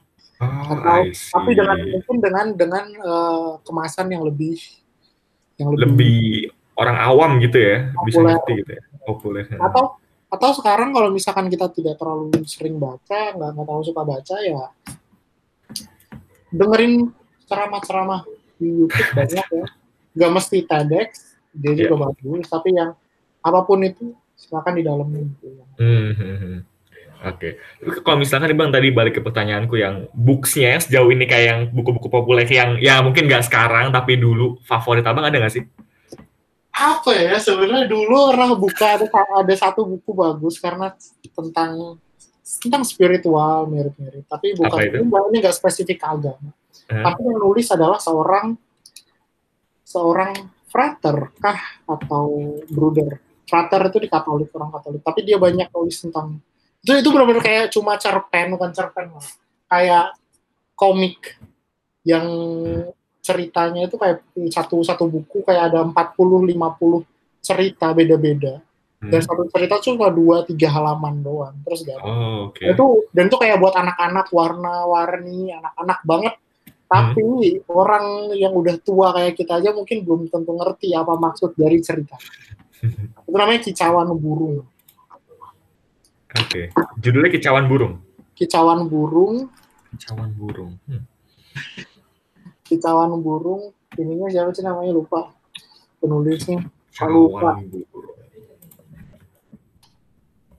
Kawan Anthony De Mello Anthony?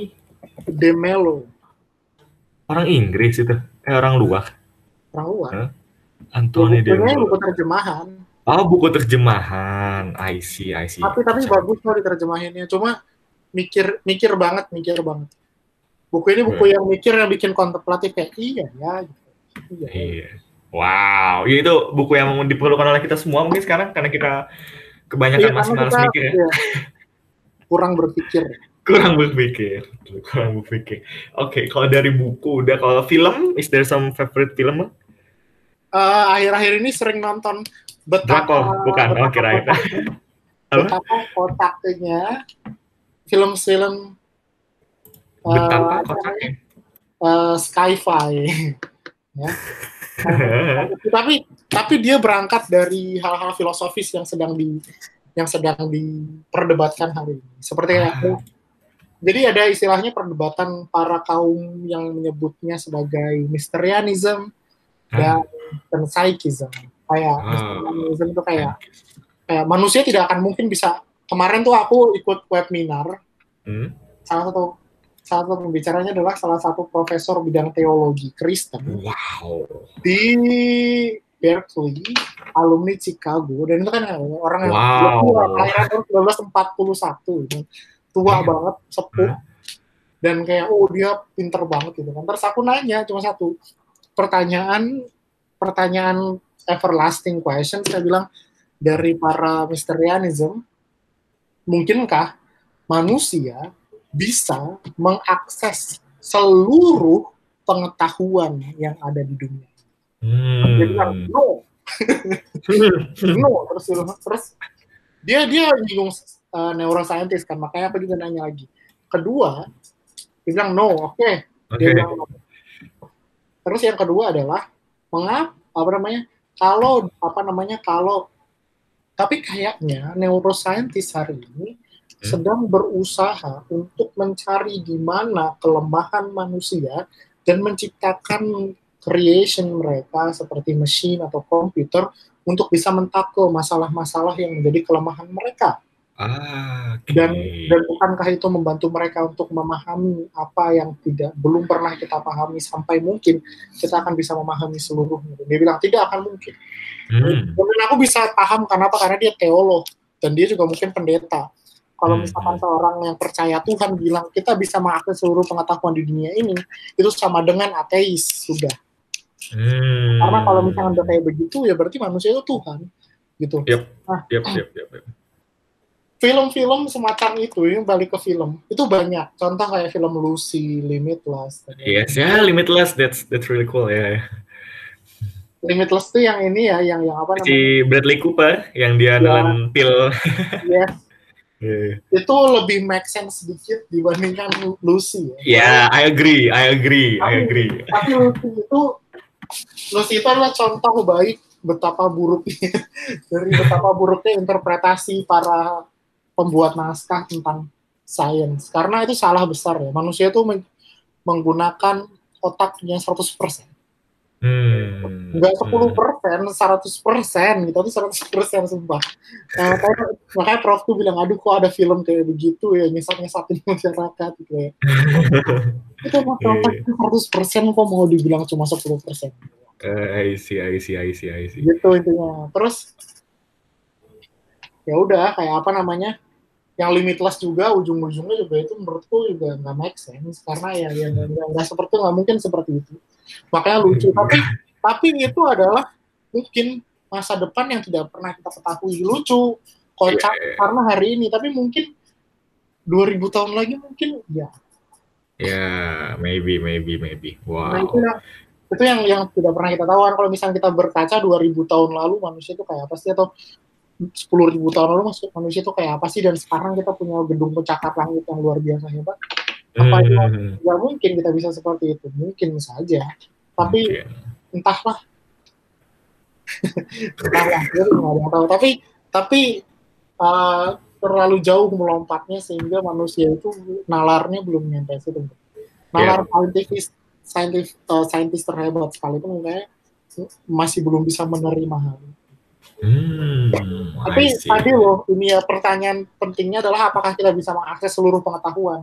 Kalau yeah. lihat film kelas, kamu lihat film apa tuh namanya kayak tadi Lucy, film apa lagi kemarin ya? Aku lihat apa namanya? Ada komputer yang manusia itu dimasukin ke komputer itu, jadi kayak dia tuh otak otak jiwanya hmm. kalau psikisnya masuk ke situ gitu dan, dan itu dan itu kayak dan kayak manusia yang udah mati itu kayak jadi komputer dan kita bisa berkomunikasi sama dia tiap hari gitu gitulah pokoknya. Oh, shit man. Nah itu, itu ada ada film itu lupa dan dan itu kayak iya seolah-olah kayak ingin ingin apa namanya ingin menjatuhkan para kaum misterianisme yang mengatakan bahwa tidak mungkin manusia mengakses informasi seluruhnya dan Seluruhnya. kita bisa. Hmm. Dan kalau si Damn. itulah. Damn. Itu salah satu kiamat karena ada AI nggak sih? Mungkin. Tapi gitu loh, tapi yang menarik adalah di sini. yang menarik adalah contoh. Hmm. Penelitian tentang working memory. Jadi kayak dosenku itu adalah salah satu dia itu adalah muridnya salah satu tokoh besar di US tentang working memory. Jadi kayak tokoh pencetus working memory punya murid itu adalah dosennya dosenku sekarang.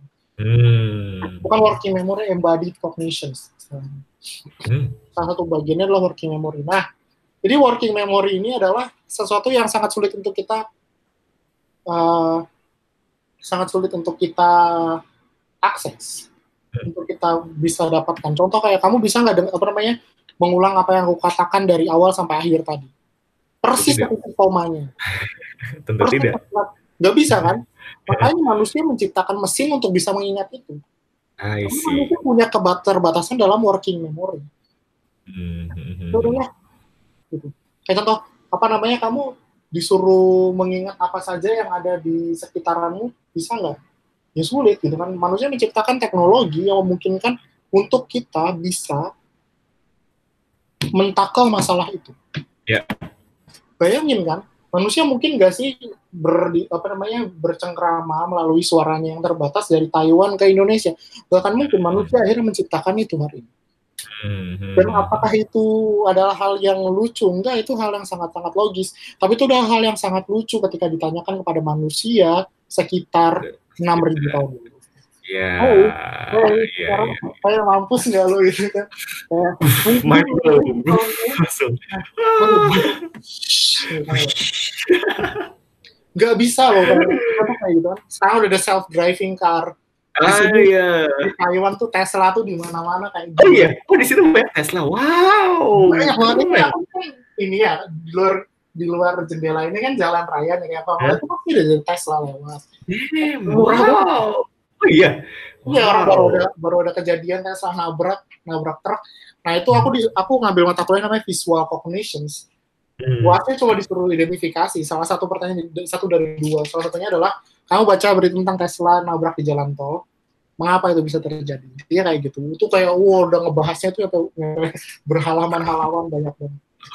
karena karena karena dia memasukkan kecerdasan manusia ke mesin. Kayak yep. gitu Manusia kan di, di breakdown kecer mengapa manusia memiliki processing yang seperti itu. Kenapa kita bisa mengidentifikasi objek dari awal aku bisa gitu kan. Mengidentifikasi muka dan lain sebagainya. Ketika ketika ada truk kebalik, nah dia tidak bisa mengidentifikasi itu sebagai truk.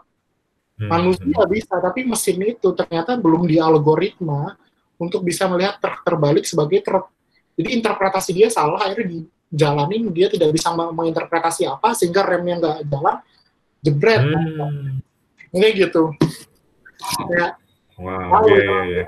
ya udah gitu kan akhirnya engineer-nya akhirnya mengotak-atik lagi gitu bayangin yeah. cuma cuma ngoding munculin gambar eh, munculin bentuk yang beda dengan warna yang beda tuk tuk tuk, tuk, tuk hmm. gitu aja codingnya wes scriptnya panjang banget itu apalagi apalagi nge-script kecerdasan mobil itu kan itulah yang wow algoritma-algoritma itu ya. Iya, sudah sampai titik itu gitu. Sudah. Dan saya belum belajar coding sama sekali.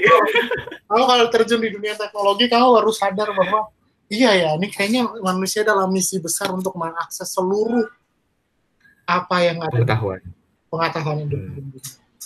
Wow, dan akhirnya yeah. buat mereka menjadi limitless. Benar. Damn. limitless. Damn, who knows ya. Iya, yeah, yeah. kita sekarang bilang siapa bisa mengakses masa depan. Mungkin suatu saat nanti ada teknologi yeah. yang bisa mengakses masa depan. Who knows? Knows? Damn, damn, damn, damn. Aku dibawa ke teknologi, dibawa ke satu diskusi yang tentang consciousness, instead of yeah. consciousness. Kita bahas banyak tentang consciousness, tapi jurusan gue karena jurusan consciousness, kita bahas tentang yeah. consciousness ada hmm. orang koma, kan koma, vegetative states. Itu namanya orang yang masih bisa dengar, masih bisa ngedip, masih bisa merasakan orang di sekitarnya. Dia tahu ada orang di sekitarnya, tapi dia nggak bisa merespon, nggak bisa gerak kayak orang koma. Hmm. Nah, dibandingin sama robot yang bisa diajak debat, bisa diajak main kartu, bisa diajak ngegame, bisa diajak nongkrong, hangout, robot. Nah, lebih manusia mana? Iya benar, benar, benar. Sekarang kalau misalkan kita lebih manusia mana orang dia dilahirkan sebagai manusia, dia kan dibandingkan sebagai robot. Kalau misalkan secara functionality itu gimana? Kayak, yeah. apa namanya? Kita lihat manusia sebagai entitas, sebagai daging apa sebagai satu yang memiliki fungsional dan sebagainya. Yeah. Itu benar-benar perdebatan kayak ah muak saya. Seru tapi ya, seru gak sih ngeliat nah, perdebatan kayak gitu? Ini tuh yang paling aku syukur dari jurusan ini adalah karena ini bukan kayak kayak nggak ngerasa di Taiwan gitu kan Taiwan kan negara Asia kan yeah. itu orang Taiwan cuma dua sisanya bule gitu loh dan dan ah, free thinker ya ya jadi kayak begitulah kurang lebih kayak apa namanya yeah. bukan berarti yeah. orang Taiwan nggak bagus orang Taiwan juga banyak bagus yeah, yeah. Uh-huh. tapi tapi kayak vibrantnya emang mereka bawa langsung dari Western untuk ini loh perdebatan the current debate di dunia ini dan mereka juga hmm. sering manggil orang-orang hebat untuk ngasih talk di kita dan kayak talk kita kayak Jumat ini dari Cambridge besok wow. dari Manchester besok datang dari Princeton kata gue ini wow. orang dari mana sih jurusan orang jurusan kecil banget mahasiswanya cuma 12 damn, damn, damn, damn. Iya sih, orang-orang barat tuh serunya kalau aku lihat sih ya yang yang intelek-intelek tokoh-tokoh intelek di barat sana tuh ketika mereka debat itu mereka debatnya sivil. Kayak ya udah karena gue masih nggak mau ngasih tahu ide doang nggak sampai emosi ya mungkin emosi yeah. nadanya tinggi cuma nggak nyampe lempar-lempar apa apa nuang air nyemprot air atau apa ya kayak iya oke it's, it's about ideas gitu loh. Mungkin politisinya kayak begitu Mm, yeah, yeah. Kalau lu nggak mau percaya ya udah lu aja bego gitu. Iya kayak oke, okay, yeah. that's your belief, that's my belief. Ya udah. Yeah. kayak wow. Kalau misalkan kalau misalkan dia tahu apa yang kita maksud ya udah selesai gitu kan kalau kayak kamu tahu nih yang aku maksud apa ya sudah dan kamu masih nggak percaya ya sudah. Tapi kalau misalkan kamu nggak percaya, padahal kamu ngerti aja apa apa ngerti aja enggak sama apa yang aku hmm. ngomongin, itu kan berarti sesuatu yang ya udah bodo amat kan lu bego lu gak akan. Iya iya iya iya. Ada ya, satu ilmuwan waktu itu di diskusi yang kemarin tentang agama dan sains. Hmm. Dia sekarang jadi instruktur, mungkin akan jadi dosen bentar lagi di Stanford. Dia mau orang Indonesia yang udah dari SMA-nya di US, S1-nya di Berkeley, S2-nya di Berkeley dan Pennsylvania, S3-nya di John Hopkins. Wow, John Hopkins legend. dia dan dia dan dia mikrobiologi gitu kan. Dan dia ngambil master di bidang teologi juga kan geblek ya. Wow. ambil master teologi di Harvard sekarang jadi afiliatif jadi kayak dosen luar biasa di Harvard Divinity School dan jadi instruktur di Stanford. Dan mungkin akan jadi dosen di Stanford. Nah dia bilang ayolah orang Indonesia tuh jangan ini banget gitu. Jangan bodoh-bodoh banget gitu. Itulah ini kayak gitu. Hmm bukan Damn. bukan berarti waktu bodoh-bodoh dalam artinya gini kayak apa namanya pahami dulu orang itu ngomong apa lantas yeah. debat ya ya ya gue nggak ngerti sama topik pembicaraan terus lu ngedebat debat apaan gitu loh kayak lu nembak nggak ada target tapi nembak berurut semua orang iya iya iya oh jelas iya Damn, yang ada diketawain orang nggak akan mau ngedebat kamu kalian nggak nggak level debat sama lu orang aja nggak ngerti pembicaraan itu apa iya tapi itu menarik banget orang itu tadi ya, mikrobiologi dan teologi. Berarti kayak fondasi. Itu aku juga mau nge-approach dia secara personal tapi belum belum belum kesempatan mau nge-email tapi belum lah sampai sekarang. Iya, kayak, kayak lanjut aja ngomong. Iya kayak kayak itu menarik banget tadi dia kayak microbiology dan teologi. Berarti kayak dia ada pondasi apa truthnya objektif truthnya itu di biology terus dia ada strut yang lain di teologi kayak wow yeah. tuh. Dan dia master juga di filosofi. Jadi masternya wow oke okay, oke okay. di Pennsylvania, master biology di apa namanya di di di Berkeley sama master di teologi di, atau teologi di MTS Master of Theological Studies di uh, Harvard. Jadi kayak oh my god. ke mana-mana. Fondasi. Fondasi kebenarannya. Dan Arvin Bow. Siapa soalnya? Arvin Go. Arvin Bow. Arvin G O U W. G B O U Arvin Bow. Wow. G O U W ya. G O U Arvin Go. Arvin Go ya. Jangan hubungin dia sebelum saya menghubungi dia nanti. Tidak, tidak, tidak tahu, tidak tahu. Oh, tapi tapi hebat sih kalau gue dihubungi dibales makanya hebat banget gue. Oke. Okay. Ya, Tadi film udah ke mana-mana lagi banyak kan tuh kayak wow, it's it's really meaningful banget. Bukan meaningful sih, kayak insight-insightnya malah banyak banget dari percakapan ini. Nah, yes. kalau Netflix nih bang, kalau Netflix, abang tuh suka nonton Netflix gitu nggak sih, serial TV gitu gitu? Sedihnya itu, saya tidak suka ke Netflix. Oh, gitu. orang-orang banyak yang sudah menyarankan, tapi kayak gimana ya? Kayak tanggungan tuh banyak kayak yeah, yeah, yeah. tanggungannya banyak dan di hmm. juga tanggungannya banyak kayak dulu ya lah sekali-kali Netflix tapi kayak no, iya mau tapi kayak, kayak aduh ah, ya gitu lah I see, I see. Temanku okay. angkatan tuh penikmat Netflix semua kayak kecuali aku. okay. Whatever it takes, whatever it takes, man. Whatever it takes. Oke, yes. oke. Okay, okay. Wow, ini mbak udah lu satu jam lebih, hampir dua jam. Mungkin ini, ini bisa aku pastikan adalah episode terlama karena ada lebih dari satu jam Astaga. dan banyak banyak apa banyak apa show notes-nya juga tadi Bang Masal nyebutin segala macam, aku pasti taruh di show notes, aku juga nyebutin segala referensi aku taruh di show notes. Nah, buat pendengar yang baru pertama kali dengerin, kenapa sih tadi aku bilang coba taruh linknya di show, aku taruh linknya di show notes itu karena ketika kamu buka uh, podcastku di Anchor itu nanti akan ada tautan misalkan contohnya tadi aku nyebut episode Joe Rogan Experience dengan Andrew Haberman itu nanti misalnya kamu klik di situ nanti akan langsung membuka webnya si Joe Rogan itu ataupun video YouTube-nya. Nah, nanti segala akan aku taruh di link show notes. Oke, okay, Bang, it's always it's fun. Gila ini fun banget, tapi kayak kayak kayaknya sih I'm looking forward buat ketemu Abang lagi dengan dengan apa? Dengan pengetahuan-pengetahuanku yang baru dan bisa yeah. apa? Cross check, fact check kali ya, fact check, cek fakta dengan abang karena abang yang mempelajari segala macam. Karena aku juga masih consider nih karena lagi keadaan kayak gini kan kayak I think sejauh ini kayak uh, what's wrong with being intelektual atau dosen kayak gitu kayak aku malah pertimbangan kayak wow that's really amazing. Yes, menurutku. Kita, intelektual di negara kita kurang cukup intelektual saya harus bilang yep. dan itu hal yang menyedihkan dan mau nggak mau harus kita sadari bahwa aku datang ke sini pun nol sekali walaupun aku yakin kayak oh at least I have something gitu kan. I've hmm. doing something. I've been doing something gitu kan. Di, di, di undip tuh kayak gue udah melakukan iya. banyak hal. oh my god you're nothing gitu kan. Lo lo nggak tahu apa-apa tentang psikologi. Saya lo tahu apa tentang psikologi woi. Gitu oke okay, belajar lagi gitu. Dan kita punya sikap yang seperti itu.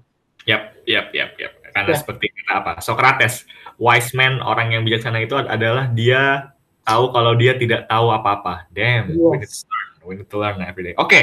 nah karena setiap karena ini udah, udah di ending episode, jadi setiap episode aku tutup dengan pertanyaan yang aku sebut billboard question, bang. Nah jadi ini kayak hmm. bayangin kalau misalkan bang Masal tuh punya punya apa? Punya space billboard, papan iklan tuh yang di depan patung kuda yang gede banget yang semua orang bisa lihat, ya kan? Dan bang Masal hmm. punya di situ. Kira-kira Bang Masal mau naruh apa Bang di situ? Apa ya? apa ya? Banyak. Saking banyaknya bingung. pick one, pick one. Jangan saja, pick one. Uh, apa ya? Kalau misalkan kayak gini, lebih bingung. Uh, oh ini sumpah.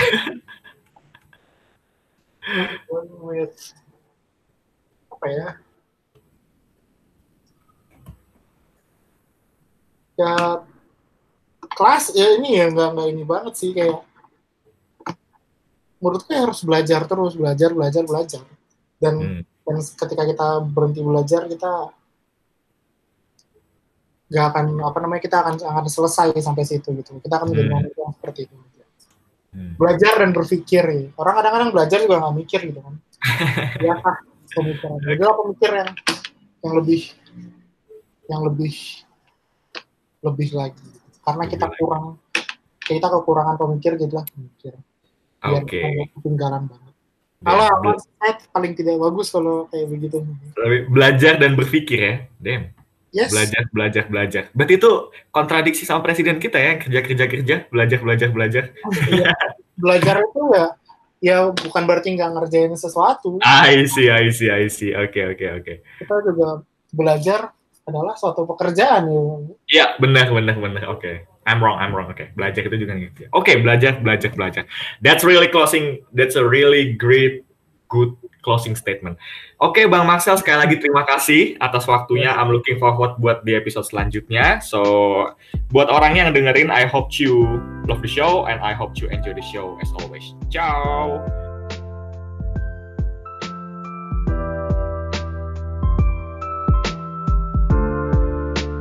Terima kasih telah mendengarkan episode ini. If you have some favorite quotes dari episode ini, bisa langsung tweet atau snapgram quotes favorit kamu dengan hashtag chillboyshow. Atau menurutmu ada orang yang perlu mendengarkan episode ini, silahkan klik tombol share atau bagikan. Ya, karena why not you share it to them kan? That's all. Sampai bertemu di episode selanjutnya. Ciao!